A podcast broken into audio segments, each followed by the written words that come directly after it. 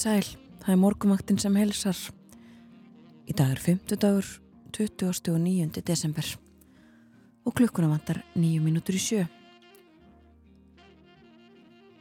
Þórun Elisabeth Bóadóttir setur hér í hljóðstofu 6 í efstaleiti í Reykjavík og verður með ykkur til klukkan 9. Það eru enni gildi gular viðvaranir bæði á östfjörðum og söð-östurlandi. Þar eru norðaustan og norðan hríð og stormur. Búið að lengja í þessum viðvörunum til fyrramáls. Það er eiga að falla úr gildi klukkan 6 í fyrramálið á báðum þessum landsvæðum. og það var kvast nú í morgunsárið lítum til veðurs klukkan 6 byrjum á höfni hjótnafyrði þar sem að voru 15 metrar á sekundu 15 til 18 og 5 steg frost. 16 metrar á sekundu á, á kvískerjum 3 steg frost þar og 4 steg frost á kirkjubæjaklustri líka 4 steg frost á stórhefðaði vestmanni 10 metrar á sekundu þar. 6 stegafrost í Árnesi, hægur vindur og 7 stegafrost í Reykjavík klukkan 6 í morgun. 3 metrar á sekundu og létt skíjað 15 stegafrost aftur á móti á mælinum á Kvanneri austan 2 metrar á sekundu þar. Og eh, heiðskýrt 9 metrar á sekundu og 5 stegafrost í Stikisholmi sjöstegafrost á Patricksfyrði og sexstegafrost í Bólungavík og á Holmavík 14 gráðu frost á Blöndósi hægur vindur þar. Skíjað og sjöstegafrost á Akureyri í hægum vindi suðvestan 3 metrar á sekundu þar. 6 stegafrost á Húsavík 5 stegafrost á Rauvarhöfn 5 stegafrost sem er leiðis á Skjaldþingstöðum 14 metrar á sekundu þar. Og 60 að frost og 11 metrar á sekundu á eigilstæðaflugvelli klukkan 6 í morgun. Og uh, líkt og í gerðmorgun kaldast á landinu á hverjaföllum átjónstega frost þar klukkan 6 í morgun. En þá á spánni, norðan og norðaustan 8 til 13 metrar á sekundu í dag en 15 til 23 metrar á söðausturland og austfjörðum. Víða ég lega gangur en þurft að kalla sunnan heiða heldur hægari vindur í kvöld og frostið 2-15 stík. Það verður svo mingandi norðlega átt á morgun 3-10 eftir hádegi en 10-15 söðaustan til og við austurströndina. Dálítil jél en þurft og bjart siðra og áfram kallt í veðri. Það er svo vaksandi söðaustan átt vestast á landinu annað kvöld, förstu dags kvöld. Og á gamlásdag þá hljómar spáinn svona Östlæg eða breytilega átt 5-15 metrar á sekundu og snjókoma með köplum en úrkomi lítið austanlands fram eftir degi og dregur heldur úr frosti. En eh, verður svo kallt í veðri á fyrsta degi nýs árs á sunnudag. Og eh, færðin, það eru áfram vetrarfærð, hálka, hálkublettir, víðast hvarum landið, snjóþekja á vesturlandi hálka eða hálkublettir og eh, sérstaklega tiltekið að vegurinnum Víkurskarð fyrir norðan er lokaður fjardarheiði er lokuð vegna snjóa og uh, það eru snjóþekja hálka eða hálkublettir á flestum leiðum annar staðar ekki þó sögðu snjóþekja á höfuborgarsvæðinu en hálka eða hálku blettir á stopnvögum og öllum helstu leiðum á Suðvesturlandi. Hálka meðal annars á Reykjanesbröð, Helliseiði og Víðar. Það er sem sagt bara áfram þessi vetrarfærð og vetrarveður.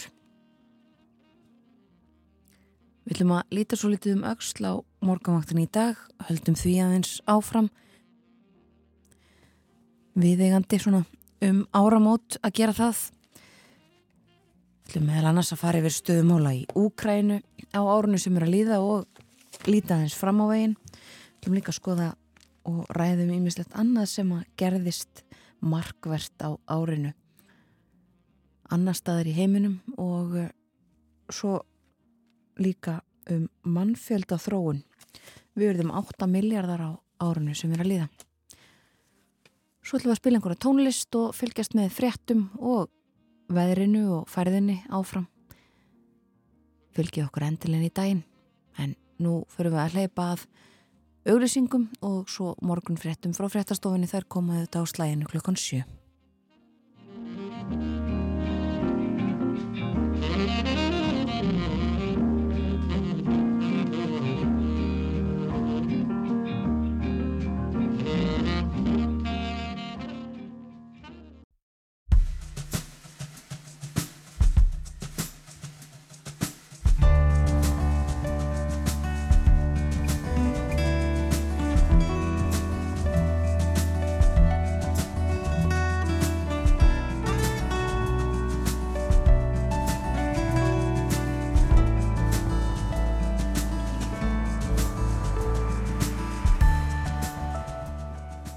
Morgonvaktin hilsar og býður góðan dag. Í dag er 50 dagurinn 20. og 9. desember.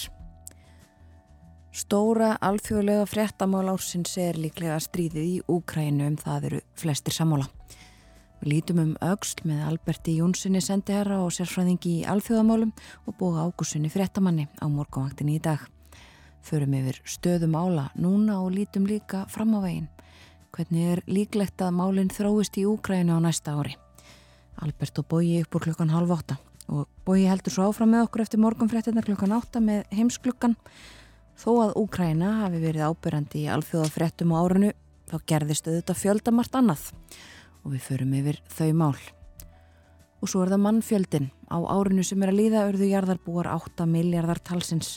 Og það aðeins 12 árum eftir að fjöldin náði 7 miljardum Stefán Raffn Jónsson mannfjöldasérfræðingur rættu um fólksfjöldan á jörðinni við okkur þegar áfunganum var náð og við ætlum að rifja það upp í lok þáttar. Umsjón með morgunvaktin í dag hefur Þórun Elisabeth Bóadóttir.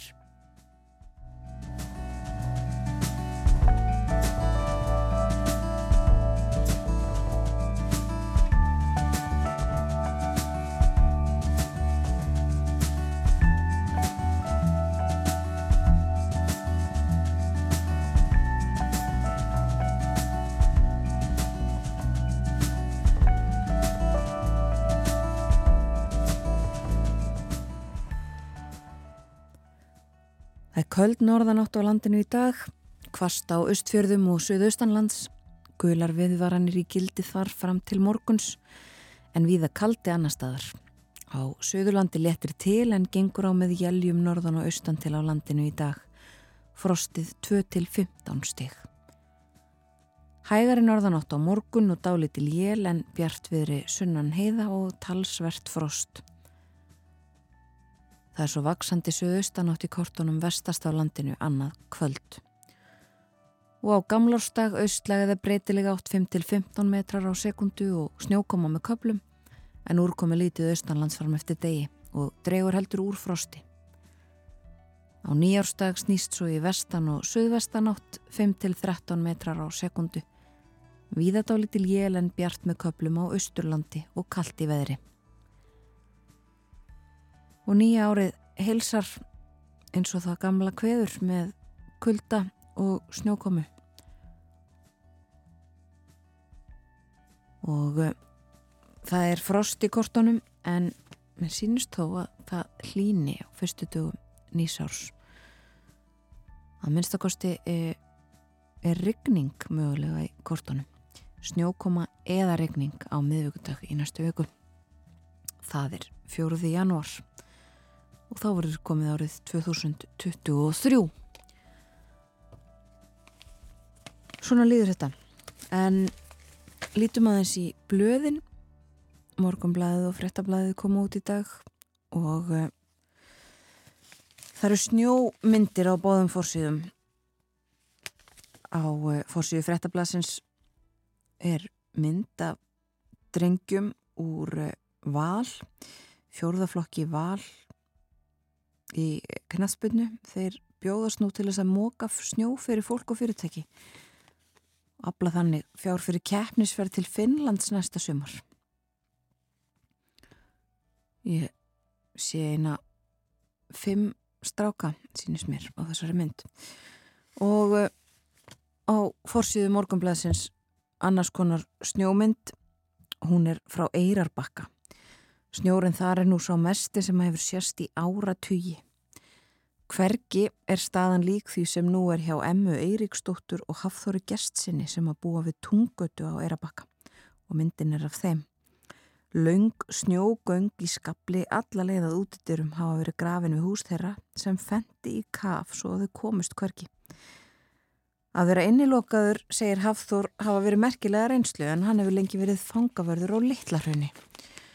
Og það eru myndir af, uh, af húsinu og fleiri stöðum á Eirabakka og umfjöllunum þetta í morgunblæðin í dag. Eirarbakki er snjókista og skablanir háar íbúar muna ekki annað eins. En uh, við heyrðum það í frettunum í morgun sem að framkemur á fórsíu morgunblæsins að Baldun Þorstensson fórstjóri Öldu Sífút í Hollandi hafi keift félagið af Samherja Holding. Þetta félag Alda Sífút hefur haldið utanum erlenda starfsemi Samherja frá árinu 2018 og uh, fjallaðum þetta sem sagt í morgumblæðinu í dag. Og fleiri frettir það er fjallaðum Íslandst fyrirtæki Arctic Therapeutics sem að hefur tryggt sér 12,5 miljóna evra fjármögnun sem samsvarar til e, tæplega 2 miljardar króna íslenskra frá nýsköpunarsjóði Európusambandsins Fjármununir verða notaði til þess að hefja næsta þróunarfasa á nýju lifi fyrirtækisins við ættgengri íslenskri heilablæðingu. Og rannsóknir sína einnig fram á virkni livsins gegn heilabilun af öðrum orsökum þar á meðal Alzheimer. Þetta er eh, stærsta fjármögnun sinnar tegundar hjá þessum sjóði og haft eftir hákonni hákonar sinni lækni og stopnanda fyrirtækisins að þetta sé fyrst og fremst viðurkenning á því að verkefnið sé byggt á tröstum vísindum og að rannsóknar áallun sem að gerð hafi verið um, sé vísindarlega mjög sterk. Og töluverð umfjöldun um þetta uh, í morgunblæðin í dag áætlað að hefja klíniska rannsókn á lifinu við íslensku arfgengu heilablæðingunum mitt næsta ár og setja það á markað eftir 2-3 ár og þá taka við rannsóknir á tengdum sjúkdómum í Evrópu. Líka fjallast um þetta á fórsíðu frettablasins en þar er hens vegar aðalfrettin önnur uh, heilbriðisfrett bylting með nýri vísindaransókn. Það eru niðurstöður úr íslensku rannsókninni blóðskimun til bjargar Þeir eru sagðar hafa mikil áhrif á greiningu á forstíi mergækslis og geta sparað mörgum óþarfa áhyggjur æfina á enda. Og Sigurður Ingur Kristinsson, professor í blóðsjúkdómum eh, sem hefur verið í forsvari fyrir þessa rannsók, hann segir það var verið að greina fólk með forstíg mergækslis sem það var í raun aldrei með, heldur var það með skerta nýrnastarsemi. Við sáum að hjá þeim sem voru með skerta nýrnastarsemi sem er tiltölulega algengt var skilgrinningin hreinlega raung og uh, þetta eru svo sett niðurstöður sem að um, hafa verið byrtar í tímaritinu Blood Cancer Journal. Þetta var risastór rannsókn sem var gerð hér á landi. 75.000 manns voru skimuð fyrir forstíi mergækslis og þáttakandum svo fyllt eftir. Og Sigurður Yngvi segir líka að eh, já, þetta spari mörgum óþarfa áhegjur fólki sem annars þyrti að fylgjast með og, og sjá hvort að það þróa með sér krabba megin en er nú óþarfi og þetta léttir á heilbriðiskerfinu sem getur þó frekar einbett sér að þeim sem eru raunverulega veikir en ekki þeim sem eru frískir bendir Sigurður Yngvi á. Og eh, eina frétti viðbútar alltaf ég að nefna og það er uh, úr morgumblæðinu, það eru 40 vindorkuver áformið á Íslandi samkvæmt áallun landverndar sem hefur tekið þetta saman og þetta er sínt á kort í morgumblæðinu í dag. 40 vindorkuver áformið viðsvegar um landið um, og uh, gróft á litið segir Andri Skúlason sem hefur unnið að þessu hjá landvernd að ætla megi að eh, tilstandi að framlega 3000 til 4000 megavött af raforku með vindmjölum og stærðar hann að kort sem sagt já inn í morgunblæðinu þar sem þetta er uh, sínt vindorku ver áformuð uh, í flestum eða göllum landslutum verkefnin eru misjaflega langt á vegu komin sem fyrirtæki með nokkur verkefni í vinslu En við lítum út í heim eftir stuttastund, kíkjum aðeins í erlenda fjölmela en ætlum fyrst að heyra að lag. Þetta lag heitir Sleepless, Svefnlaus og uh, það er Anna-Greta Sigurðardóttir sem að flyttur. Hún syngur og leikur á piano. Með henni eru Skúli Sverrisson, Magnús Tryggvason Eliasen og Hilmar Jensson. Þetta er af plötu sem Anna Greta gaf út í fyrra sem heitir Nightjar in the Northern Sky og hlustum á Sleepless.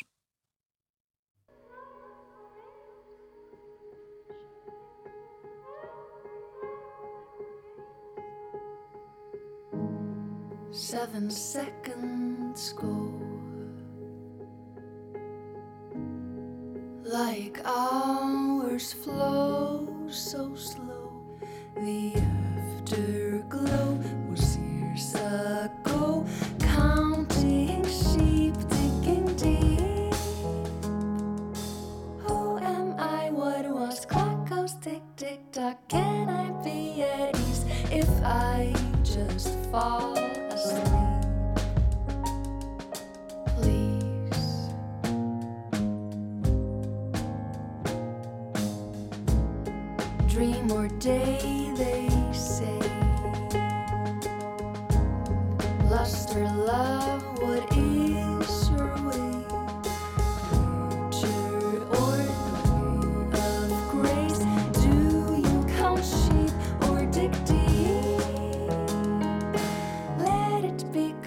combined, slightly intertwined. It's the tree of life. Let dreams bleed in.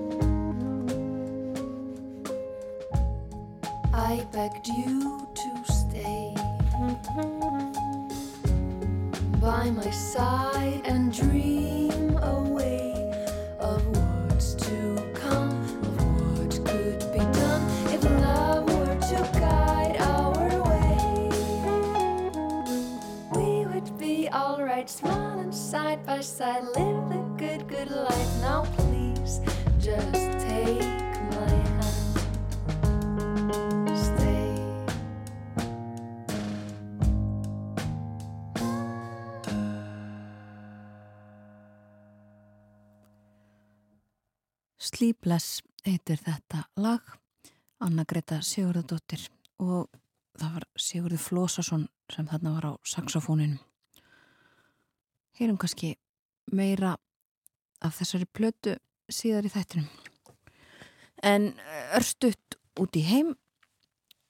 Við verðum svo litið út í heimi í dag uh, lítum bæði um auksl og til framtíðar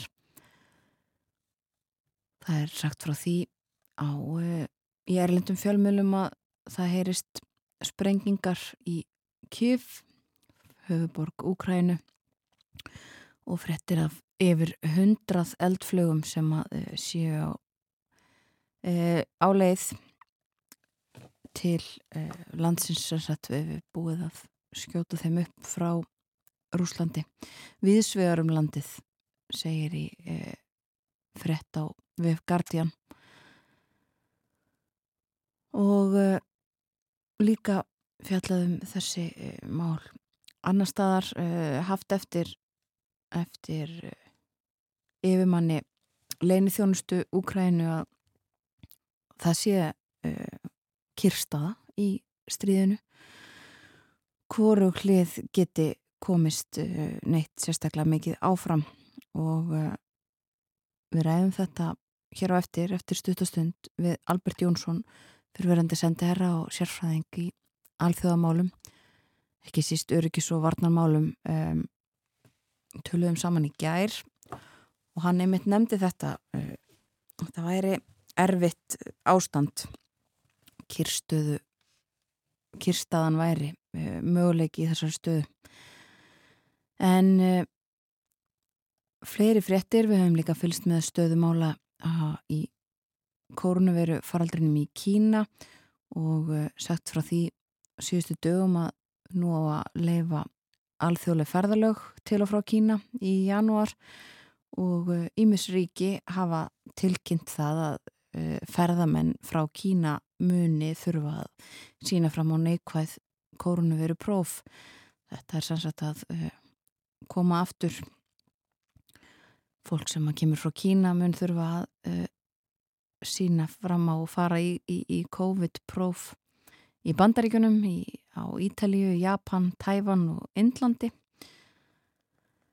En uh, bæði Ástralja og Breitland hafa tilkynnt að það verði engar uh, nýja reglur fyrir ferðamenn frá Kína. En frá Kína til Afganistan uh, saminuðu þjóðunar hafa eh, stöðvað ímis uh, hjálpar aðstóðar uh, verkefni í Afganistan eftir að talibanar bönnuðu nú uh, á dögunum konum að starfa í þriðja geranum konur með ekki lengur sinna störfum í einmitt hjálpar samtökum og, og uh, fleiri slíkum samtökum og saminuðu þjóðnar hafa stöðvað ímisverkefni vegna þessa og líka varaði því að fleiri verkefni komi til með að stöðvast vegna þessara, þessa bans talibana. Þátt okkar kvenna í uh, hjálparverkefnum er ekki til samninga viðræðina. Það er ekki hægt að semja um þáttöku kvenna í slíku það er verða að taka þátt, segir í yfirlýsingu frá uh, yfir mönnum hjá saminuð þóðunum. Þetta hefur lífshættulegar afleðingar fyrir alla afgani. Uh, nú þegar þá hefur þurft að stöðva uh, verkefni vegna þess að konur með ekki sinna þeim. Þetta er bara það nýjasta í aðgerðum talibana gegn konum. Það er uh, líka búið að banna þeim uh, háskólanám, það var gert á dögunum.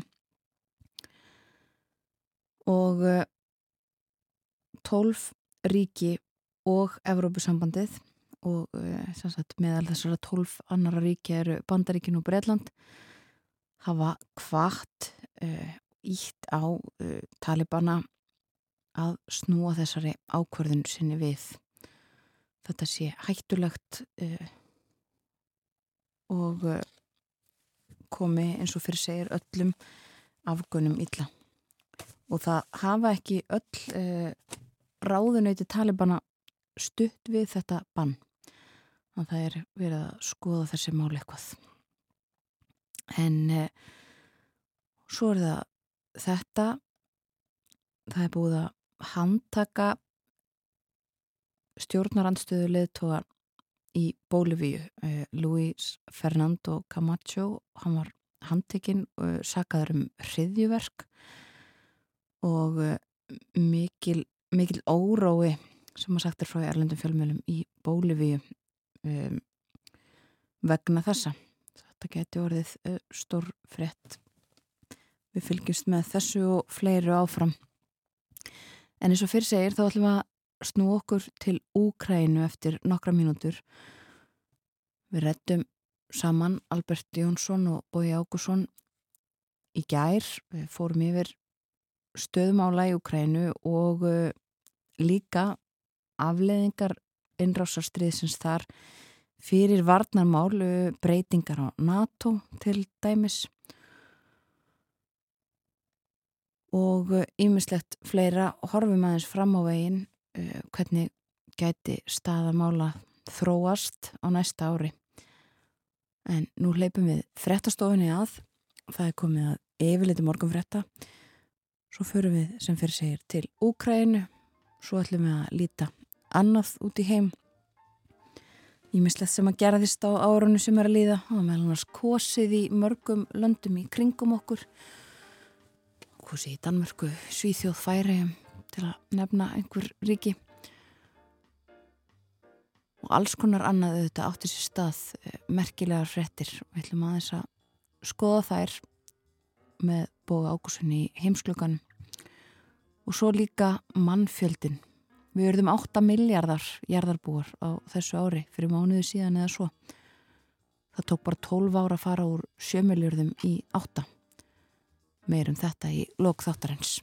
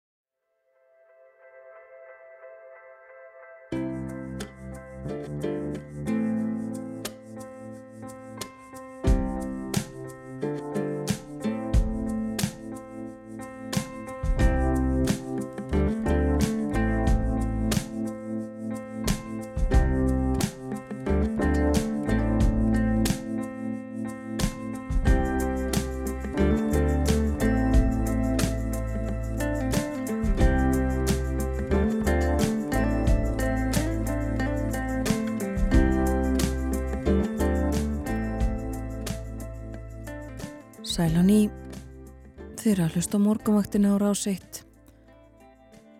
Klukkan rúmlega hálf átta. Það er 50 dagur í dag komin 20. og 9. desember. Og það er norðan og norðaustanátt í dag. 8 til 13 metrar á sekundu en töluvert kvassara á söðusturlandu og austfjörðum 15 til 23 metrar á sekundu. Viða jælja gangur en þurft að kalla sunnan heiða og heldur hægari vindur í kvöld frostið á bylinu 2-15 stig í dag. Minkandi norðlega átt svo á morgun 3-10 metrar á sekundu eftir hádegi en 10-15 söðaustan til og við austurströndina. Dálítil jél á morgun en þurft og bjart siðra og áfram kallt í veðri. og uh, það er hálka, hálkublettir, uh, þæfingur, skafrenningur. Þetta eru orðin sem eiga við um færðina. Viðast hvarum landið. Best að uh, skoða vel vef vegagerðarinnar áfram til þess að uh, fylgjast með þessu. Og það er þessi gula viðvörun sem er í gildi á östfjörðum og söðusturlandi í dag og uh, fram til morguns. Meðal annars víða ófært eða íllfært á vegum á Östurlandi þungfært á Fagradal lokað um fjardarheiði og fleira væri hægt að nefna. En þetta er allt inn á bæði vef vegagerðarinnar og þessum nýja vef umferðin.is þar sem hægt er að sjá kort yfir stöðumála á vegunum. Og við minnum á það að hér á eftir förum við yfir bæði mannfjölda tölur við verðum 8 miljardar á árunni sem er að líða. Fólkið á jörðinni. Og svo ætlum við líka að líta til erlendra fretta hvað bar hærst á árunni sem er að líða?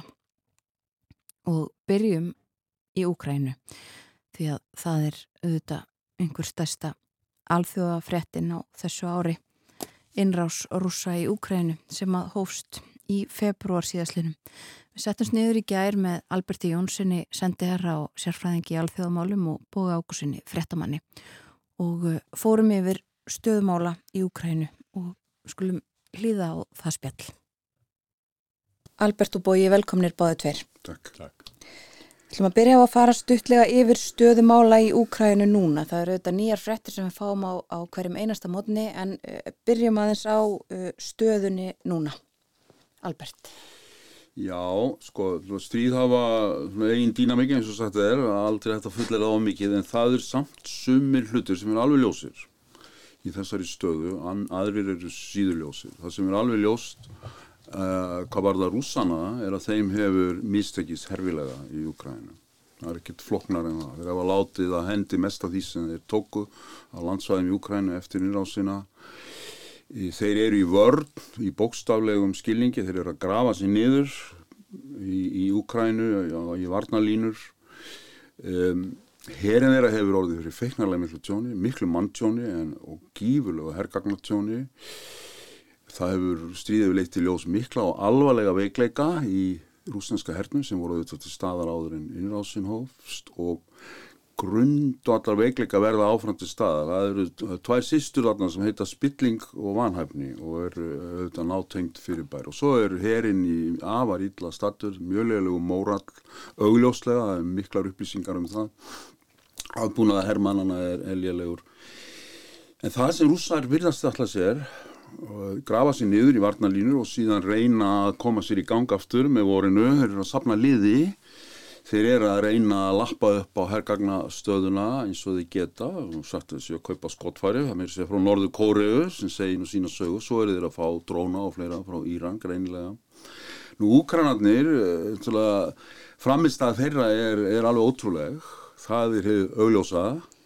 Annað sem er alveg augljóst er að þeir eru algjörlega háðir utan að komandi stuðningi algjörlega háðir bandaríkjónum sko það væri ekkit Úkrænu hér væri ekki neinu stríðið í rúsa án bandaríkjana, það er ekkit flokknar en það. 90% kemur frá bandaríkjónum uh, spurningin er sem sagt hvort að þeir geti haldið áfram að sækja með þá þessum stuðningi.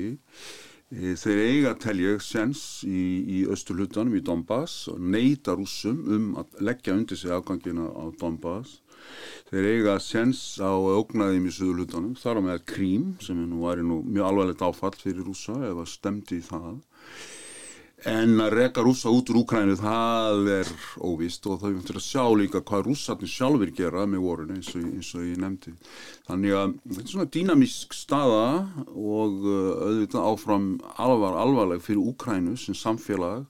Efnahagur Úkrænu er í rúst, það er ekkert flókið, þeirra þjóðaframleysleira mingum helmi er 50%, rússana kannski 5-6% sko, mikið munur þarna á. Þannig að það er erfitt átt að sjá því hvernig spilast þú þessu. Ég held að kyrstöðu hernaður er tölverð, það er tölverð líkur á honum. Já, eins og þú segir einmitt, uh, rússarnir eru bókstaflega að grafa sér niður núna uh, og það er stundum talað um einmitt veturinn í svona stríði. Mhm. uh, er þá einmitt kyrstaða fram á vor líklega eða? Já, ekki endanlega vegna, vegna vetrarins, sko, þegar að nú er náttúrulega að frjósa mjög hratt í, Ukræn og þá er þetta að keira skrittregana út fyrir vegina og svo framvegis.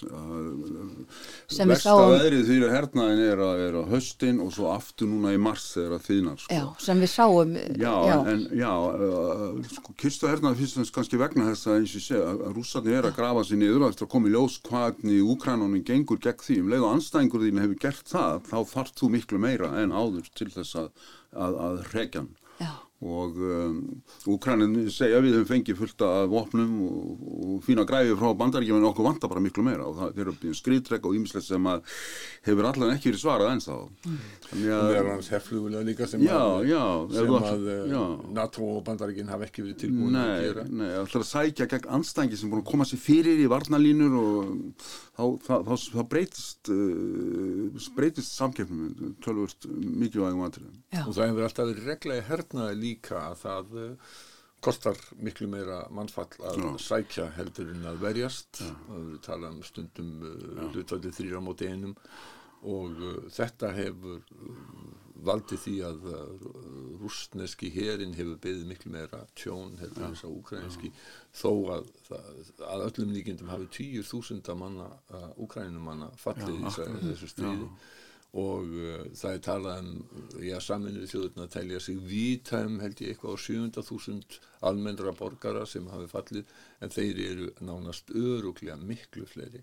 Akkurat. og þar í, í þessum hópi er vitað um eitthvað 700 börn og þau eru öruglega miklu, miklu fleiri. Og þá eru ótaldar aðrar þjáningar og uh, framferði rúsneska hessins og þó sérstaklega sveita eins og eins og kallega Wagnerhóps eru skelvilegar uh, og það má líka segja kannski það er merki um það er í rauninni staðfesting á því að uh, Putin tókst ekki það sem hann ætlaði sér að vera núna að ráðast á innviði í Úkrænu. Það eru nýju miljónir manna í Úkrænu sem að eru, hafa ekki ramagn eh, núna.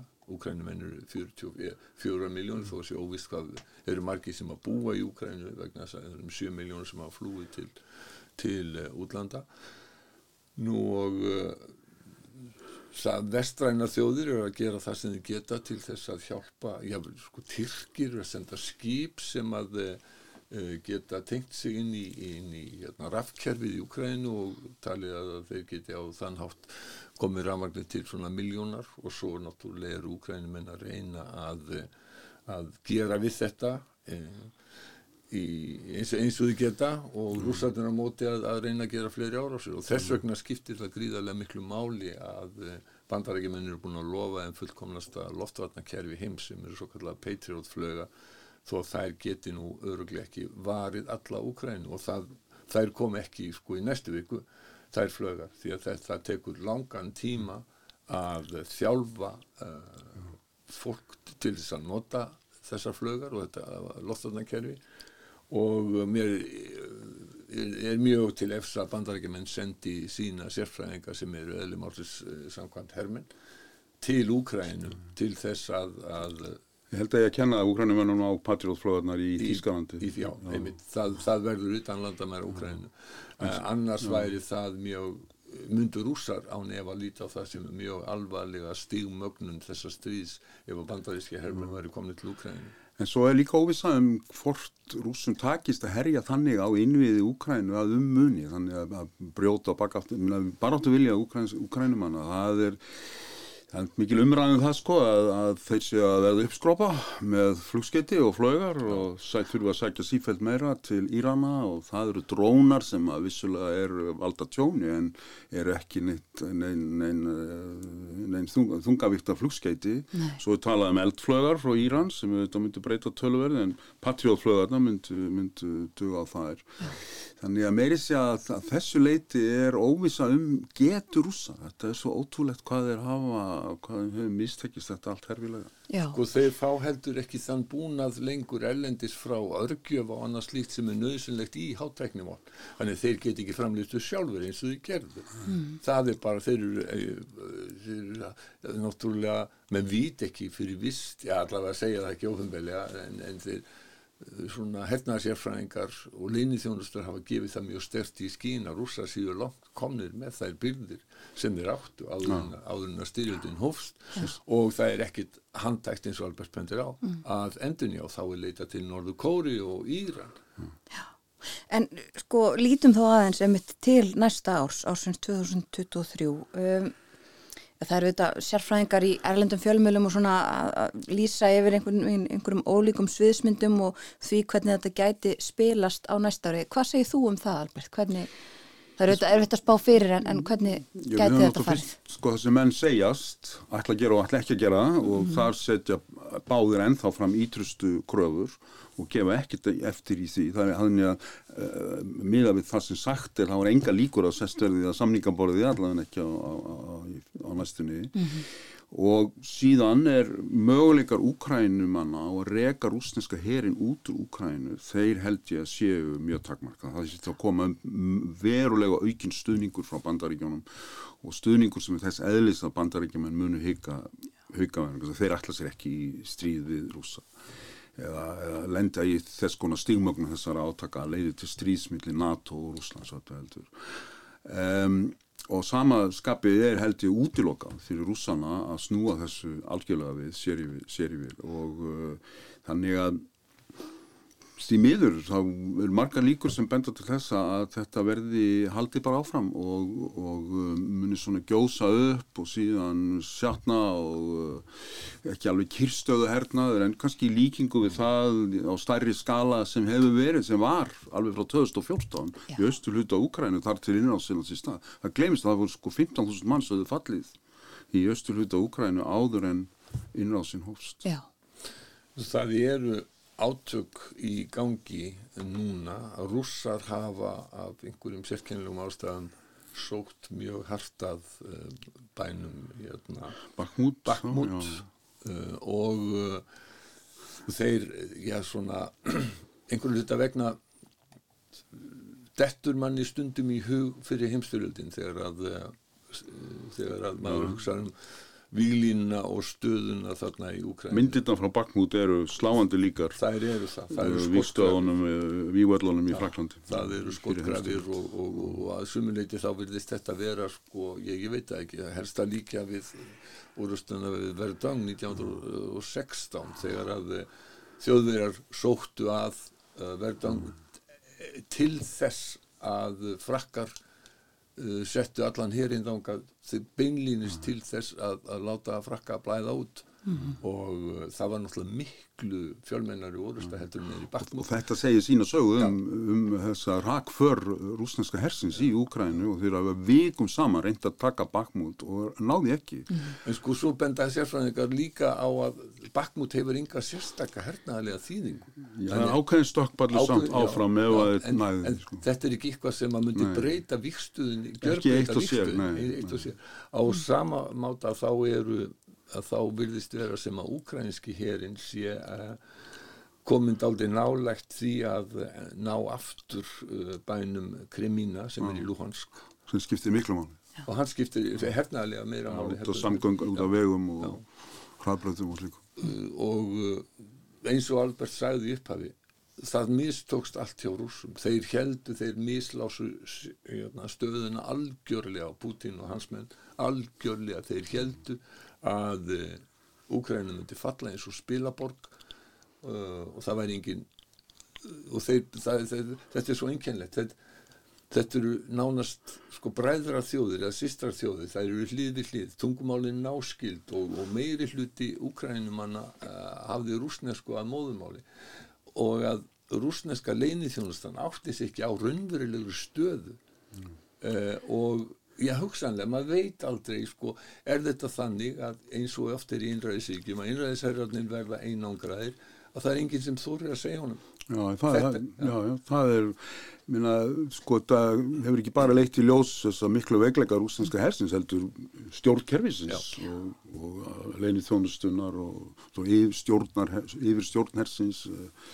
Það, það, það er sama hvar ber niður að þetta er alveg herfileg hrakför og, og þess vegna er mikil umræða komin í ganga auðvitað um framtíð Rúslands sem stórveldis og En herveldis. sko Já. þetta er svona eh, upplýsinga, skortur og upplýsingu og réttum upplýsingum er ekki bundin við innræðisvíki, við skulum ekki gleyma því að 2003 þegar bandaríkjamenn reyðust inn í Írak að þá sko þá voru allar þeirra upplýsingar sem að þeir sögðu og gáfu út um það að, í, í, að, að Írakar ættu gjöreðingar og þetta var allt saman tómt þvæla. Já. þannig að, forsendurna fyrir innrásinni þar voru rángar og það mátti bara, það var allt keft nýður í bandaríska stjórnkerfinu þeir sem sögðu, þetta er ekki rétt.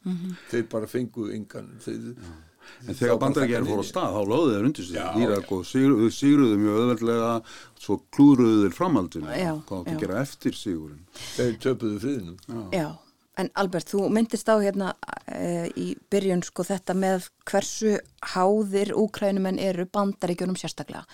En uh, tölum þá aðeins um uh, NATO. Það hefur lengi verið krafa kannski sérstaklega í bandaríkjunum en líka innan NATO að ríkin þar sko leggji meira í uh, bandalægið, uh, í her, her, Sína landorðin. Já, sína landvarnir, hvað er það ekki, 2% af uh, Það er viðmiðun. sem að viðmiðið er sem að fá að klára 2024. já, uh, þetta er líka 2% á þjóðatökjum. já, þetta eru líka afleðingar um, þessa, þessar innrásar í Úkrænu uh, svona áhersla á NATO, á hermál förum aðeins yfir það yfir bara breytingarnar fyrir Allandsafsbandalið Já.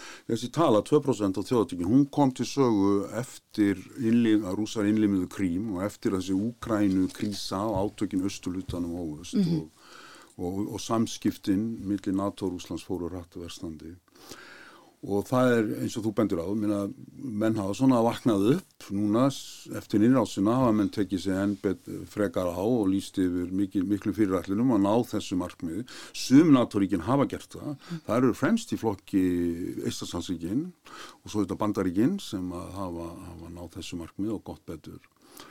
En, eh, en aðrir eru ennþá eftir Já.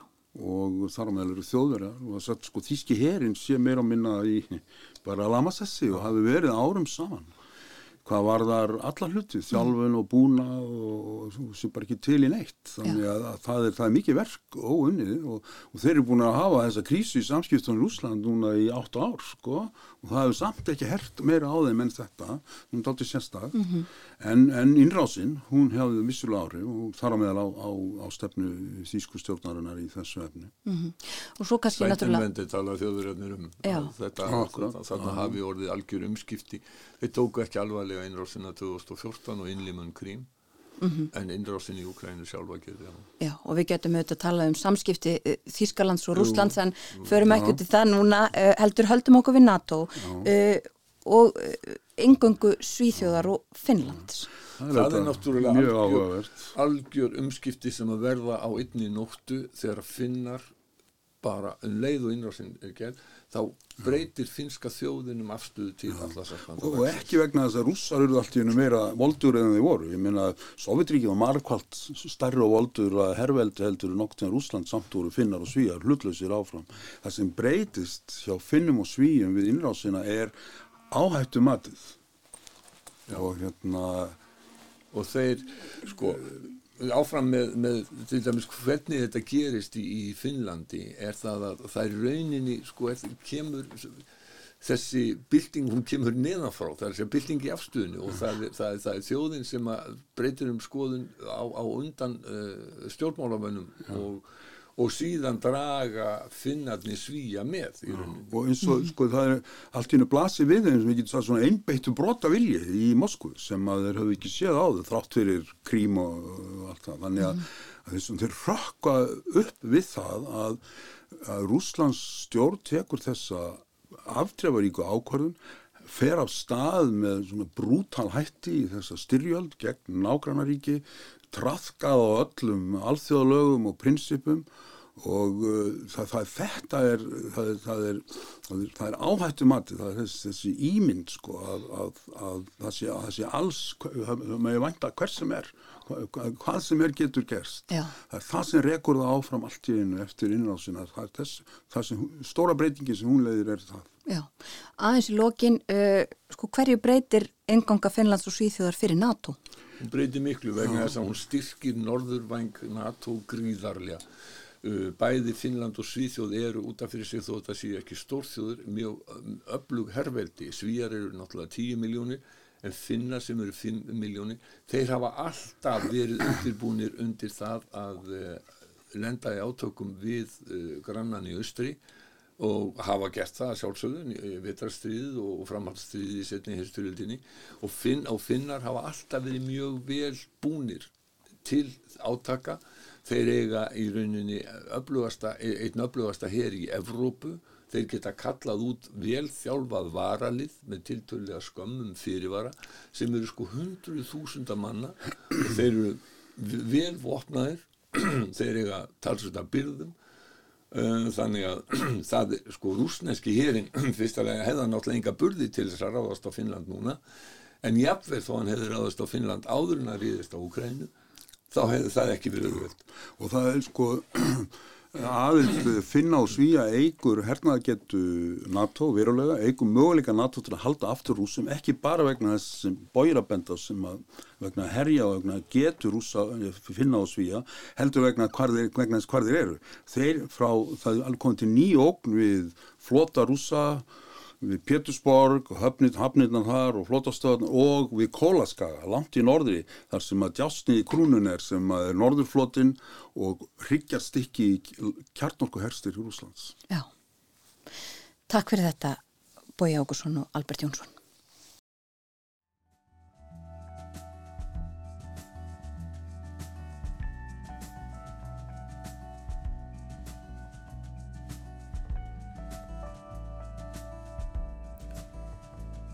Þetta var um Úkrænu, Albert Jónsson og Bói Ágússon rættu um þau mál. Við höldum áfram í fréttum af erlendum vettvangi hér eftir morgunfréttinnar. Þá setjumstu við heimsklukkan og ræðum önnur mál heldur en stríðið í Úkrænu, annað sem bar hæst á árunni sem er að líða. En það komið að morgunfréttum frá fréttastofunni, það er komað eftir 5 mínútur.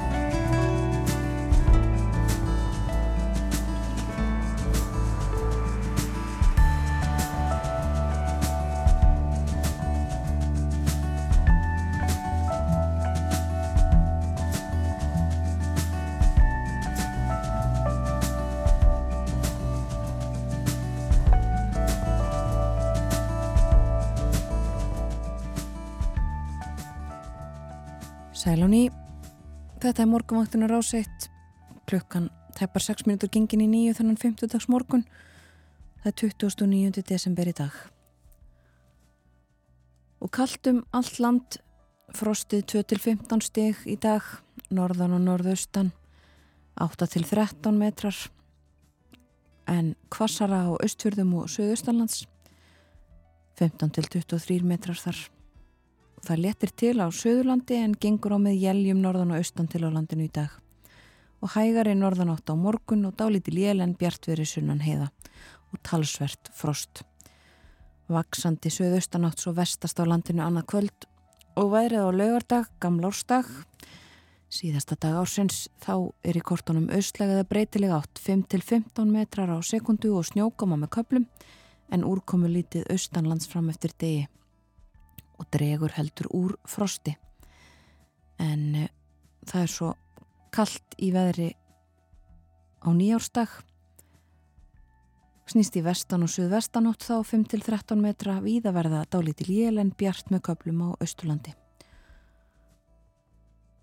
og uh, hér fyrir fréttinnar þá vorum við með hugan við Úkrænu uh, fórum yfir stöðumála þar með Alberti Jónssoni sendiherra og sérfræðing í alþjóðamálum og bóða ákusunni fréttamanni.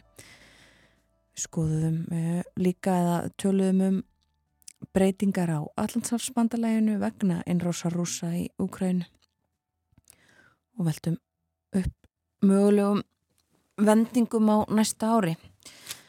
Og við ætlum að halda áfram umfjöllunum alþjóðamál uh, en fær okkur frá Úkrænu, við ætlum að líta um auksl, skoða önnur stórmál sem að uh, hafa verið í frettum á áranu sem er að líða.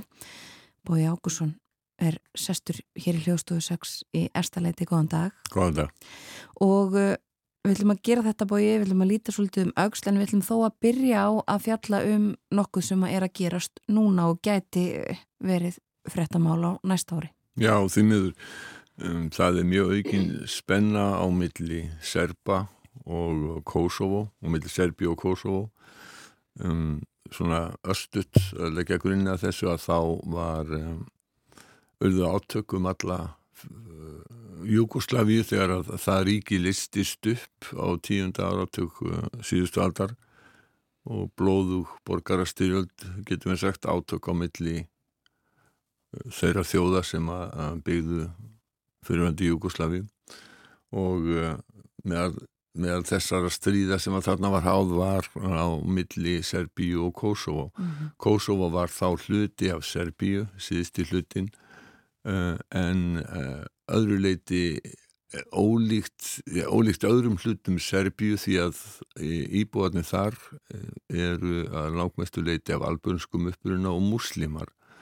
Eh, Serbar tilhera langt flestir réttrúnaða kirkjunni og uh, það er að segja og líta til patriarkans í Moskvu og uh, tengsl Serba og rússa hafa löngum verið mjög náinn og Serbar lítið mikið til rússa en þessu blóðuga stríði á milli Serba og Kosovo og Albana laug 1999 þegar að NATO skast í leikinn eftir blóðugar árásir Serbíu sem að þá var undir stjórn Milosevic sem að var harlínu þjóðurni sinni.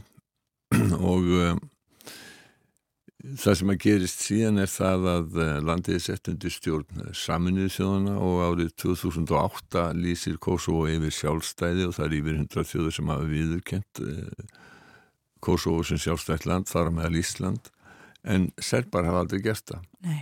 Það er um 2 miljónir manna sem búa þarna 90% er af albönskum uppruna en það er um 100.000 serbar þarna en þá og þeir óttast um sinn hag og Serbia og stjórnmöldi Serbíu óttast líka uh, um uh, stöðu þeirra og þarna hefur spenna aukist mjög og hún sko, tilefnið er eiginlega aldrei fáranlegt það er notkun á, á númeraplötum á bílum uh, en auðvitað vilja Kos, vil, vilja stjórnmöldi Kosovo að það þau hafi þann rétt að gefa út númeraplötu fyrir bílar sem eru skráðir í landinu. Já.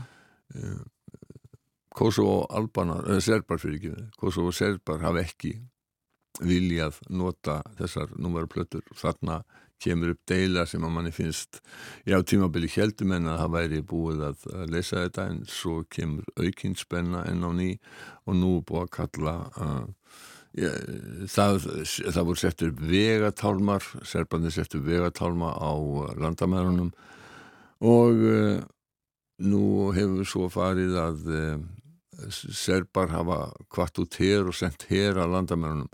Já, um, Kosovo hefur ekki hér það var eitt af skilirðunum fyrir því eh, að uh, þegar að landið var, eh, var sjálfstætt að það hefði ekki hérafla eini hérin sem er í landinu er 4000 manna svo kallar fríðargeslu lið á vegum allarsasbandalagsins og í því eru mikil fjöldi bandaríkjamanna til dæmis þannig að þarna getur bandarík, getur bandaríkin dreigist aftur inn í átökin uh, á Balkanska eins og var uh, rétt fyrir aldamótin.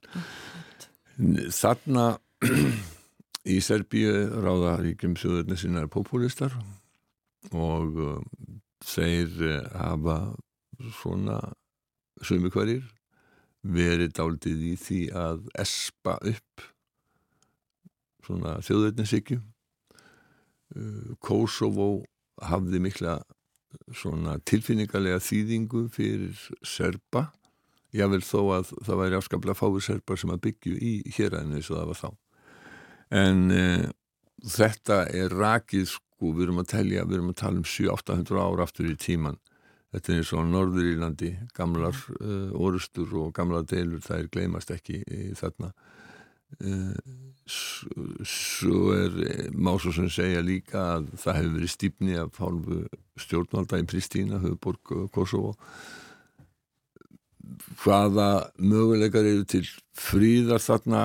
Lausnin hlýtur að vera hefði ég í einu sérfræðingum þessi málefni í gær, hún hlýtur að vera fólkin í því að það verði gerði samningar þar sem að réttindi serba í Kosovo verði staðfest í sáttmála. og serbar verða viðurkenna sjálfstæði Kosovo. já, og er eh, einhver einhver hreyfing í þess átt er verið að reyna að, Það er stöðut verið að reyna að koma á einhverjum, uh, uh, einhverjum viðram og að, að, að reyna að leita sátta en uh, það hefur ekki gengið mjög vel og þegar það hefur tekið samkominlega þá hefur óðara eitthvað gæst sem að þjóðna hefur orðið til þess að þetta hefur hlupið í baklásaftur.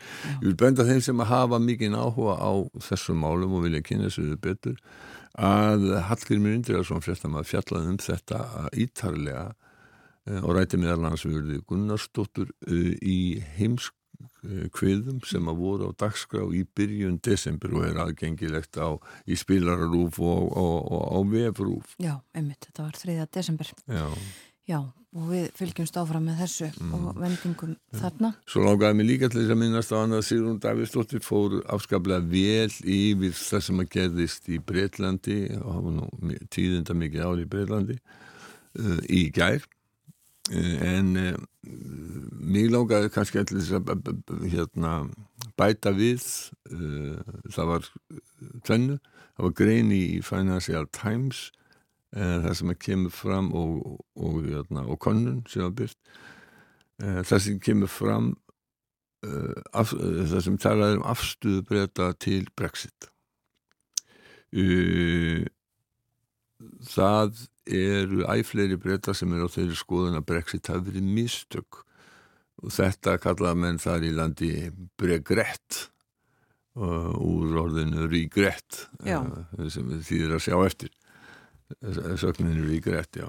Þannig að nú er þetta brí regret, getur við sagt. E, Financial Times segir að ég vilja fyrir að 2021 að þá voru fleiri á þeirri skoðun að það hefði verið rétt að yfirgefa á Evropasambandi en núna þess að nýjastu konun að þá sýnir að þróun á þessu ári hún hefur verið allt önnur. Það er aðeins rétt rúmlega 30% sem að svara því játandi núna þegar þau spurðu hvort það hafi verið rétt að ganga út úr Evropasambandi Já. En þeim sem að telja að þetta hafi verið mistökuð fjölga mikið ár og núna er meiri hluti breyta þeirra skoðana, þeirra skoðana að Brexit hafi verið mistök Eh, Þetta er aðeins farið að ræða þetta ofinbeglega í Breitlandi, þetta hefur, hefur eiginlega verið tabú um, og um, eins og Sigrun uh, talaði um í gær. En hitt atriðið sem að vakti aðtegli mína var það að það byrtust tölur úr uh, nýju manntali í Breitlandi sem sína að innan við helmingur englendinga og vilsbúa játar kristna trú. Já, Og- þetta eru tíðindi. þetta, þetta finnast manni dálítið mikil tíðindi að innan við helmingur englending og elsbúa telji sig kristna Mm. Uh, það er í rauninni þjóðkirkja í þessum löndum uh, Church of England, enska biskupakirkjan þjóðhöfningin drottningin áður, konungurinn núna er æðsta höfur kirkjunar 26 biskupar uh, eiga sæti í lávarðadild uh, breska þingsins. En uh, svo er spurning sko hvernig þetta er í praxis þarna kemur fram í þessari í þessum tölum úr manntalinu að það er aðeins 5% sem að sækja kirkju að staðatri og þessar upplýsingar hafa verið vatna á millu þeirra sem að vilja aðskilnað uh, ríkis og, og kirkju í Breitlandi Já, Það er, það er, er innan við helmingu, tæp 50% sem að telja sig verið kristinn, 7% eru múslimar, önnur trúabröð, hinduismi, gyðingdómur og fleiri eru, eru, eru mun minni. Stærsti hópurinn er samt sem að ennþá, uh, stærsti trúarhópurinn er, er, er kristinn, uh, 27,5 miljón, en 22,5 miljón, eða 20, er rúmlega 22 miljónir segist ekki aðlast negin trúabröð og það er hópurinn sem hefur vaksið langmest já, og orðið til þess að, nú er innan við helmingu breyta sem að, ja, englendinga og vilsbúa sem að telja sig uh, til, telja, ég játa kristna trú, getum sagt. Það var ekki talað um þetta í, það var ekki byrta tölur frá Skotlandi vegna þess að það uh, úrvinnsla hafði tafist út af COVID. ok. Annað sem var merkilegt sem kom út úr þessu manntali er það að um, um það byrju 20% þeirra sem að, tóku þátt í svöru manntalsspurningunum um, voru fættir utan Breitlands en uh, það var 10% þegar að síðasta manntal var fyrir 10 árum síðan þannig að, það sjáum við um, miklar þjóðfélagslega breytingar sem að hafa verið Einmitt. Eh, við ætlum aðeins að líta tilbaka og ég, ég nefndi það í morgun að eh, það hefur auðvitað helmart gerst á árinu. Ég nefndi kostningar í löndum í kringum okkur, til dæmis í Færiðum í Danmörku, í Svíþjóð. Svo fer maður að skoða, þú sendir okkur hérna eh, svona yfirleitt yfir árið úr erlendum fjölmjölum. Já, Þá rifjast upp, já, það var kosið á Ítalíu, það var kosið í Brasilíu, það var uh, kosið í Bandaríkjunum, það er ekki langt síðan. Um, og það er, það er ímislegt, það er mörgu að taka af því sem að gerðist á árinu. Og við ætlum að fara yfir einhverju hluti sem við rættum hér í heimsklukanum. já sko Allt þetta sem ég nefndi rættum við á einhverjum tímapunkt, en við ætlum Við kannski ræddum- ekki að, já, að ekki já, fara í það núna. Nei, nei, nei, já, jú, við getum alveg, al- al- alveg gert það en hins vegar náttúrulega tíminn er alltaf fljótur að líða sko þessar kostningar fóru að sjálfsögðu dálítið á þennan og hinn veginn. Um, stærstu kostningarnar eru fórsetakostningar í Fraklandi Brasilíu, þingkostningarnar í Bandaríkjónum uh, og, og þingkostningarnar á Ítalíu. Uh, Það má svo sem segja að, og svo voru sambandsþingskostningar í Þískalandi og, og í Þískalandi má svo sem segja að samstipustjórnu undir stjórn jafnaðamanna í Þískalandi, uh, Ólaf Sjóls, hún hefur staðið sér betur heldur en flestir uh, töldu. Uh, nokkur þeir hluti sem að menn hafi verið að telja upp að það hafi komið á óvart er mikil samstæða vestrætna þjóða, ekki síst Evrópu þjóða, með Úkræninu það eru langflestar Evrópusambandsþjóðir sem að styðja þá af heilum hug, það eru sumi sem eru svona hallari undir um, já, skulum segja hafa ekki gengið eins langt á, á margar aðrar. Og þar má nefna til dæmis ungverja. Og þar hefur skilið með ungverjum og pólverjum sem að hafa oft verið staðið saman í andstuðu sinni gegn því sem að þeir hafa kallað Brussel valdið uh, og uh, nú pólverjar eru mjög harðir í samstöðu sinni með Úkræðinu og uh, baróttunni við, við rúsa uh, enda eru þeir bísna nálægt. Nú, við getum sagt líka að fórsetakostningarnar, eh, meðal þess sem við fjöldluðum um var eh, fyrir kostningarnar var eh, öfga hægri sinni Erik Semúr sem að reyndi að verða frambjóðandi sem að kæmist í setni umferðina á móti eh, Emmanuel Macron fórseta en það tókst honum ekki, það var þá endanum Marine Le Pen og uh, Macron vann nokkuð örugan sigur þó að uh, það sé á það bent að, að, að svona manneske sem sé jafnlangt til hægri og jafn þjóðurnisinnuð og mikil populisti og Marine Le Pen hafi aldrei náð viðlíka árangri í kostningum í Fraklandi. Nú bandarísku kostningarna getur við sagt að það er urðu ekki sá mikli sigur republikana sem að uh, hafði verið búist við. Og stjórnmálaskynur hafa aðalega rakið það til afskipta Donald Trumps fyrir hann til fósita uh, frambjöðundu sem að hann eiginlega handvaldi þeim gekk ekki vel og þeir klúðruðu góðu tækifæri til þess að ná aldrangadeildar þingsætum til dæmis í Pennsylvania vegna þess að uh, frambjöðundin sem var já, í rauninni svona framlinging af Trump reyndist afspyrnu lélugur þannig að þeir töpuðu uh, þar. Og víða má segja að hér sama hafi gerst og sígurinn þó að þeir síu með meiri hluta hafi fengið meiri hluta í fulltróðdeiltingsins að þá er svo sígur minni heldur en að reikna hafi verið með. Og svo sá ég nú líka í Economist núna að það væri það sem þeir kalla sjatenfröyti og við kvöldum á íslensku þorðargleði meðal uh, demokrata vegna klopning sem að er innan uh, republikana flokksins.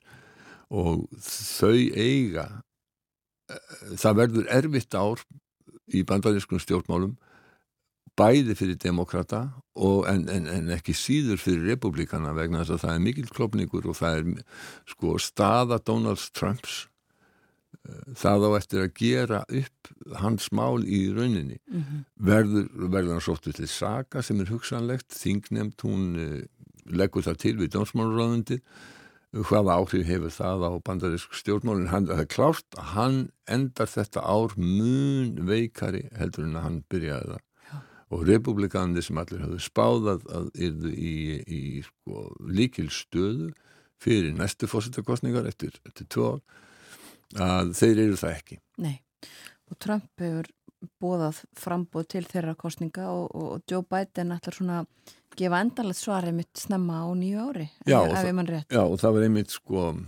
eh, NBC, fréttastofan var að tala um það sko að, að eh, ef tekinn væri staða að Joe Bidens upphafi ásins og er loka ásins að þá stæði Joe Biden miklu sterkar núna og hann hefði í rauninni náð ótrúlega mörgu í gegnum þingið og af sínum stefnumálum og stæði bísna sterkur og miklu sterkari innan demokrataflokksins heldur en að hann hefði gert áður. Já. Sko, svo má kannski nefna líka að það verður vatnaskil í stjórnmálum á Norður Írlandi. Já. Þar eru uh, katholikar, orðnir fleiri heldur en mótmælendur og það komið ljós í kostningum í mæ en þar hefur og ekki tekist að mynda stjórn uh, hér að sins vegna anstuðu mótmælenda eða sambands uh, hérna, DUP, Democratic Unionist Party mm. uh, annað sem að líka gerist á þessu ári að að uh, sem verður mjög merkild er það að kynverjar verða einhvern tíman á, á næsta ári ekki lengur fjölmannasta þjóð heimsins Einmitt. Índverjar fara fram úr þeim talið að verði í mars. Já. Eins og alltaf þá hleypur tíminn frá okkur en við lítum kannski einmitt eh, nánar til næsta árs þegar það verður komið e, í næstu viku eða síðar. Já, að vísu uh, verði ég ekki í næstu viku. Nei, það er næstu viku. Takk fyrir í dag Bói Ókusson.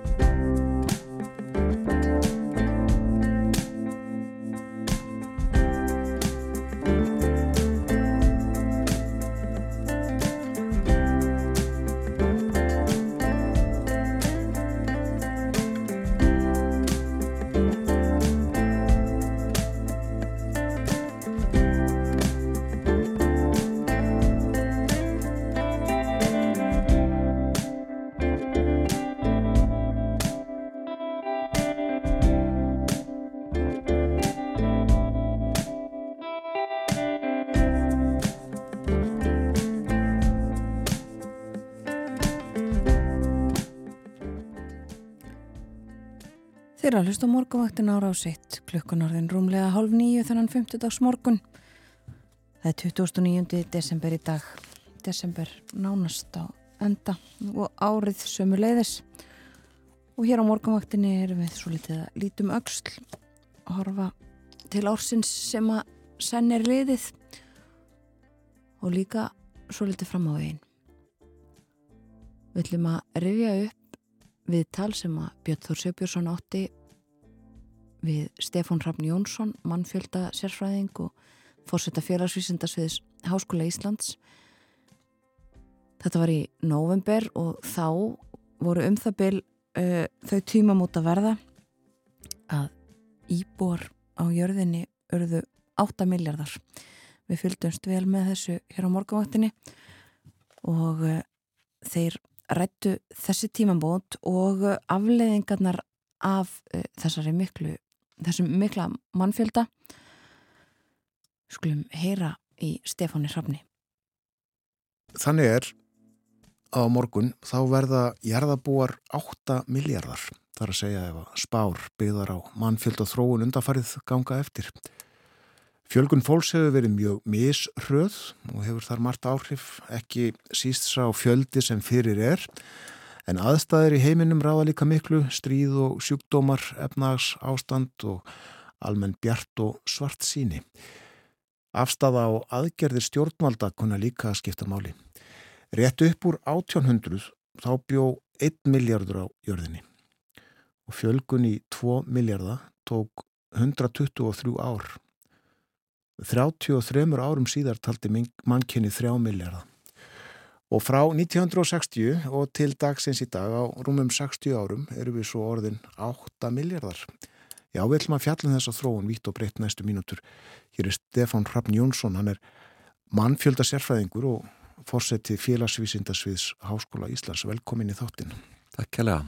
Þetta er ægilegur fjöldi sem við erum orðin. Þetta er mikill fjöldi og okkur fjölgar rætt en fjölgunin í hlutfalslega hefur, hefur dreist saman undafarið og, og heldur áfram að dragast saman. En það er, við erum svo mörg og það er stór grunnur þannig að lítil prosentu aukning veldur mjög mörgum viðbótar einstaklingum. Sko. Já, já.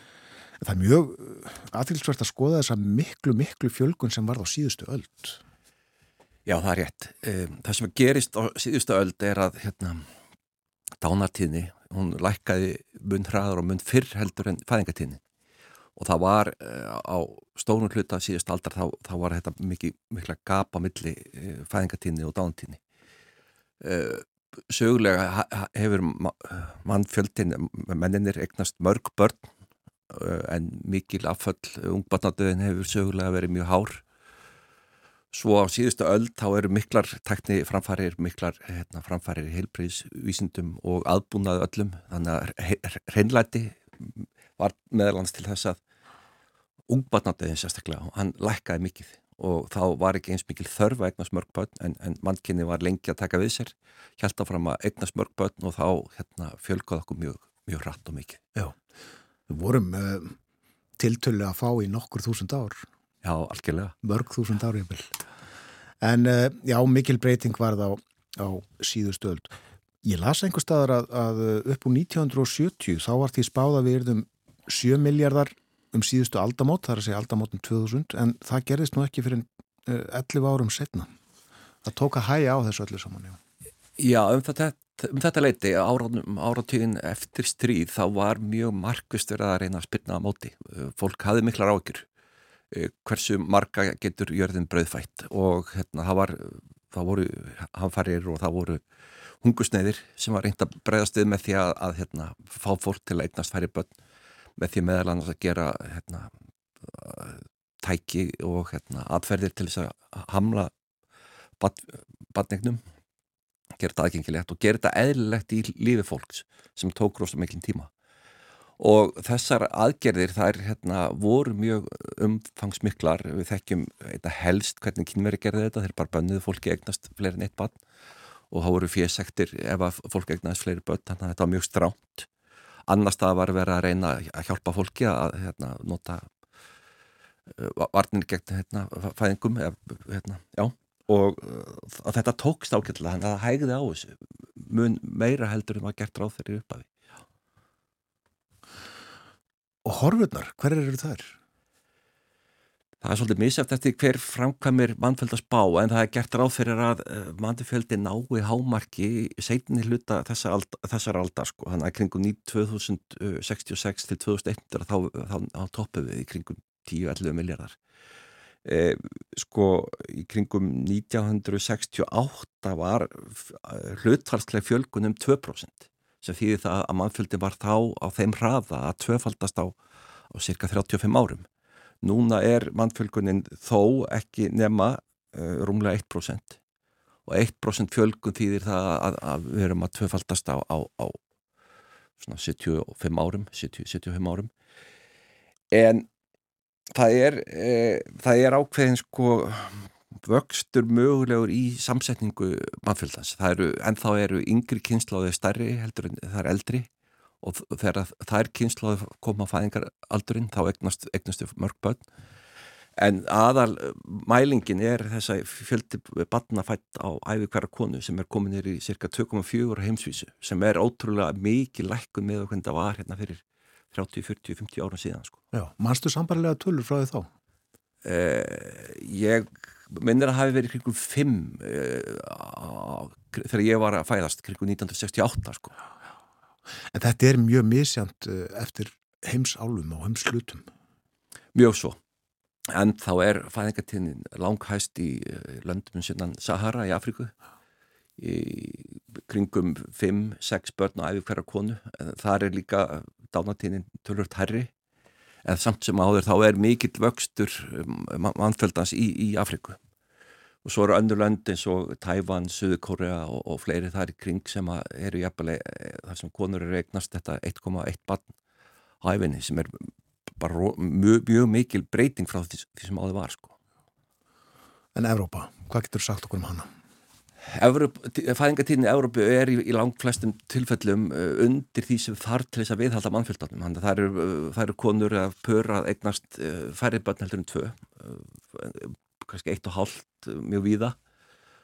Og til lengri tíma liti þá mun mannfjöldanum minga með svona lága fæðingatíðni og þá er alltaf spurningin þurfum við, viljum við fjölga í hverju landi, viljum við flytja einn mann mannafl til þess að sinna ímsu verkefnum sem eh, er ekki hægt að sinna þegar það eru fáir íbúar og þá eh, er gripið þetta til þess að, að auka þá búfallaflutninga frá öðru löndum sko.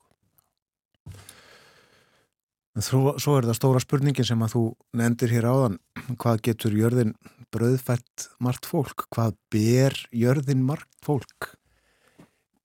Já Það er vantarlega ekki til svar við því nákvæmlega? Nei, það er ekki til einn ein tala eða, eða eitt svar við því. Auðvitað sko sem dæmi þá skiptir miklu máli hversu mikið kjötuborðum því að ef við myndum minka kjötneslu þá getum við rækta meira korn og, og, og hérna, gremmiti sem að uh, væri miklu betri leið til þess að nýta jörðina. En uh, þess að mikla kjötnesla þá, þá höfum við minna korn til þess að fæða aðra og svo er í setni tíð orðið meir og meiri aðkarrandi spurning sko hversu mikil neysla öðru e, e, eru að, að hérna, standa fyrir í jarðefna elsnæti sem hefur áhrif á, á hérna, loftslægið, e, veðufar hamfara hlínun flotta fólk frá svæðum sem er á mörgum þess að vera rektanlegt núna Þannig að, e, og með þessum framförum og með þessum aukna hagvexti mjög víða, þá erum við að sjá reysa stór, e, stóra mann, hérna,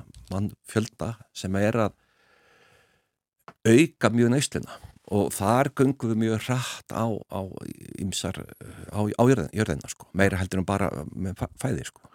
Er það fyrst núna sem að, að svona alvöru áhegjur eru uppi um þetta? Ég myndist nú á það nýlega að, að sko, heimurinn hefur haft áhyggjur af mann fjölkun mjög lengi.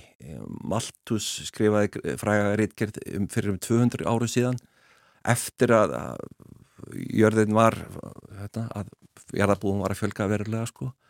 Þannig að þessar áhyggjur hafa varað mjög lengi en það er að taka sér nýja mynd þegar við sjáum þessa miklu aukningu á, á neistlu sem er umfram þessar grunnþarfir og þegar við erum að skilja betur hvað þessi mikla nótkunn á jarðafna elsneti, hvaða áhrif þetta hefur á, á hérna, veðufar. Uh, nota stjórnvöld þá þekkingu sem að, að þessi fræðigrein uh, mannfjölda þróunin býr yfir? Já, já, við sjáum það að, að hérna, allþjóða samfélagins og saminnið þjóðunar og fleiri eru að nýta þá þekkingu sem er til staðar. Bæði í sko, þessari mannlegu hegðum sem fælst í því að, að veist, vera neytandi og nota, nota mikið af hérna, vörum og, og elsneiti en líka hvernig e, veist, við tökum ákvarðanir um, um fjölda barna og ég tala um um og þetta eru hérna, allþjóða samtök að taka með af nýjustu þekkingu í, í hérna, þessum hamfara hlínun og veðufræði. Já. En hvað með uh, stjórnvaldi í Evrópuríkjum og eftir aðtökum Evrópusambandinu þar sem að uh, svona fækkum blasir við eins og nefndir á hann?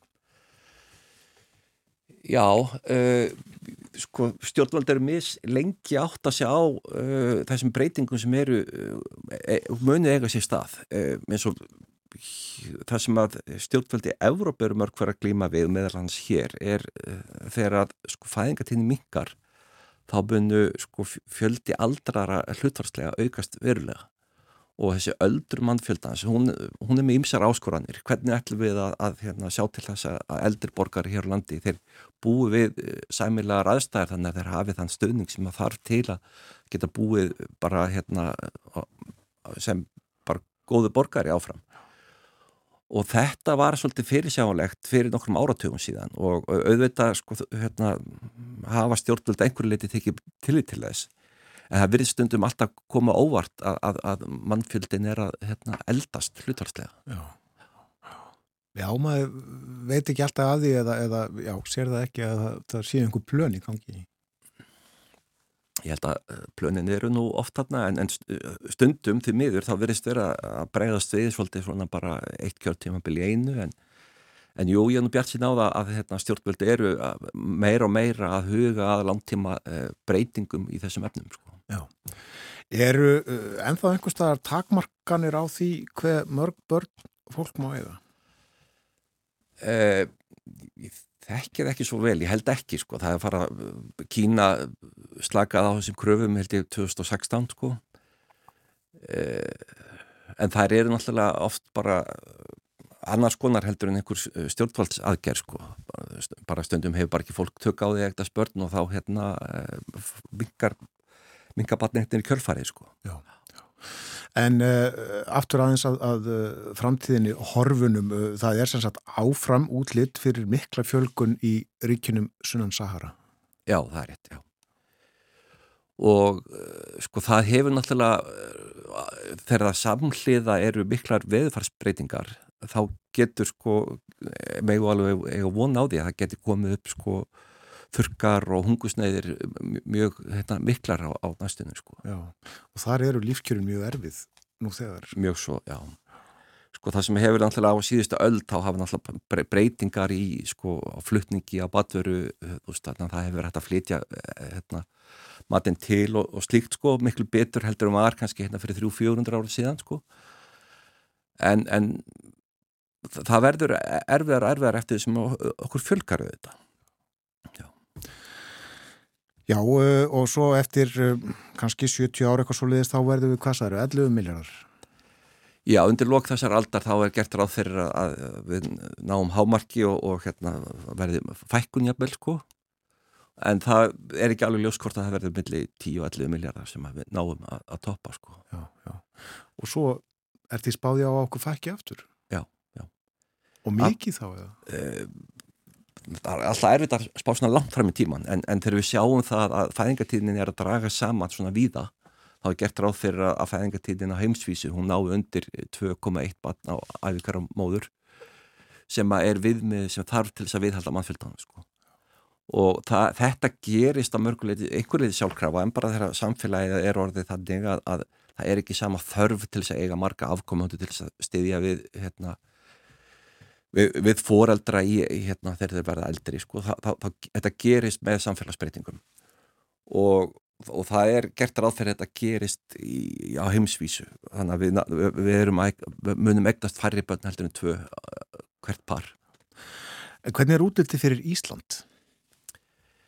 Sko Ísland lengi vel e, þá var fæðingatíðin að, að sveiplast þetta kringum 2,1 börn bara áratugum saman an, ansi lengi. Og núna síðustu ár það hefur þetta verið að lækka svolítið þannig að ég held að við séum með fæðingatíðin på 1,8 en þá er e, sko samsetningi þannig að það eru stórir árgangar af ungu fólki sem að kemur til með að eignast að fara passburðar aldur á næstu áratugum.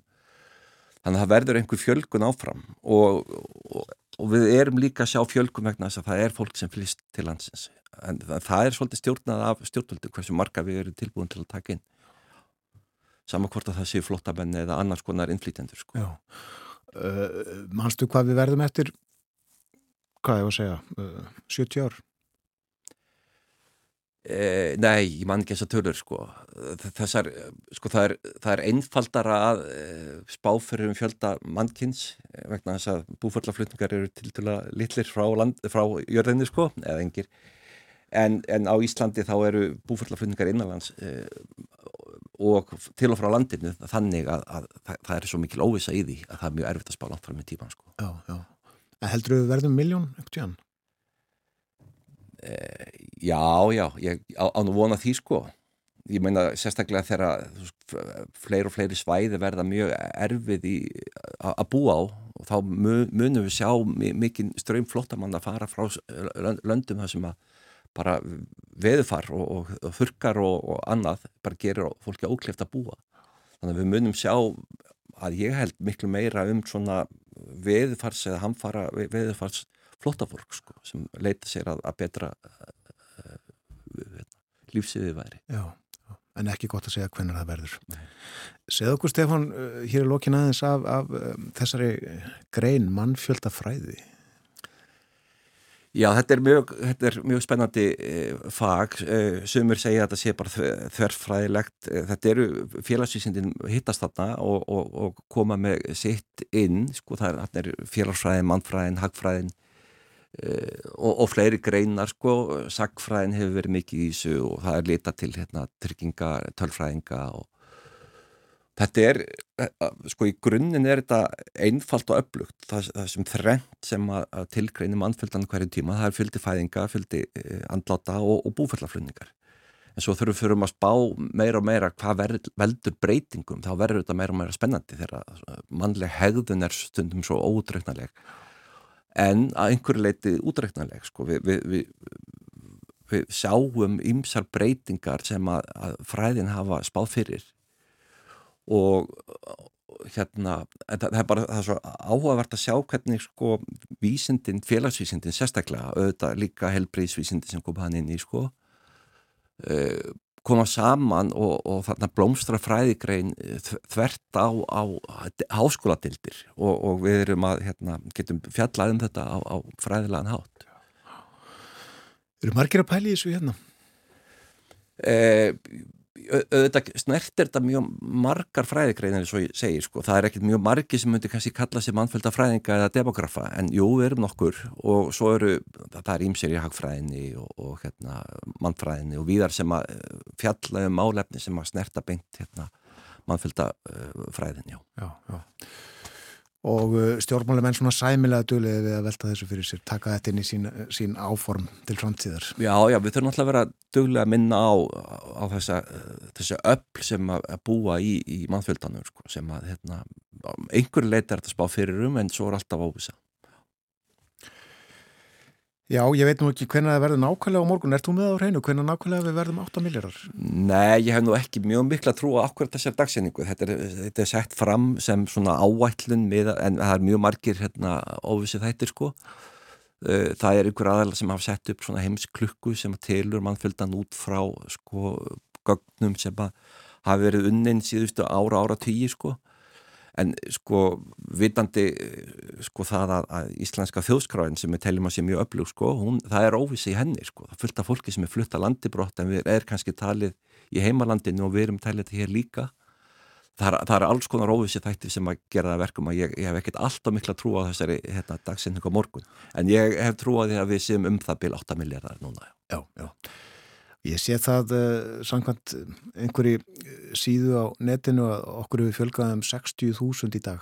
Já, Það var sannsagt 120.000 fæðst og 60.000 látið. Já. Og uh, fjölgunni var nokkur hundru bara á meðan þessu viðtali stóð. það er rétt Þakkaði kellaði fyrir að koma morgunvaktina í dag. Takk sem við leiðis Ég fylgjast með þessu áfram. Stefán Hrafn Jónsson er mann fjölda sérfræðingur og fórseti félagsvísindasviðs Háskóla Íslands. Og það er rétt að minna það að þetta var viðtal spjall sem að þeir Björn og Stefán Hrafn áttu í november þá uh, var útlut fyrir að þann daginn eða daginn eftir erðu jarðarbúar 8 miljardar og uh, samkvæmt svona uh, talningum á, á internetinu þá eru jarðarbúar núna 8 miljardar og 8 miljónir rúmlega það. Og uh, þeim fjölgar á hverju sekundu eiginlega. En uh, morgunvaktinni fyrir að ljúka í dag. Við höfum verið með hugan við alþjóðamál svolítið. Rættum um stöðmála í Úkrænu snemma í morgun við Albert Jónsson sendiherra og búið Ákusson fréttamann Svo fórum við yfir í mjög önnur mál sem hafa verið í fréttum á árinu. Þegar við settast við heimsklukkan og svo núna síðast mannfjöldin. Það hefur voru þó nokkur tíðindi þegar að þeim áfanga var náð árið 2022. Að jarðarbúar eru það 8 miljardar. Það tók bara 12 ár að fjölga um 1 miljard, voru 7 miljardar sem sagt árið 2010 og þetta hefur breyst hratt eins og Stefán Raffn fór yfir hér á þann. En já, þessu eru ljúka hjá okkur í dag og morgun verður morgunvaktin líka á dagskrá. Síðasti þáttur vikunar og ársins á dagskráni og eh, við verðum að einhverju leiti með hugan við tímamótin, áramótin. En ætlum líka að halda fram að tala um alþjóðamálinn, gera upp þetta ár og líta enn frekar fram á veginn fram til ársins 2023 sem er á næsta leiti. En þakkum samfélgina í dag morgumvangtin sem fyrir segir aftur á dagskráði fyrramálið. Við bjóðum góðan dag þegar klukkanum vantar tíu myndur sjö um það byll. Njótiði dagsins og verið sæl.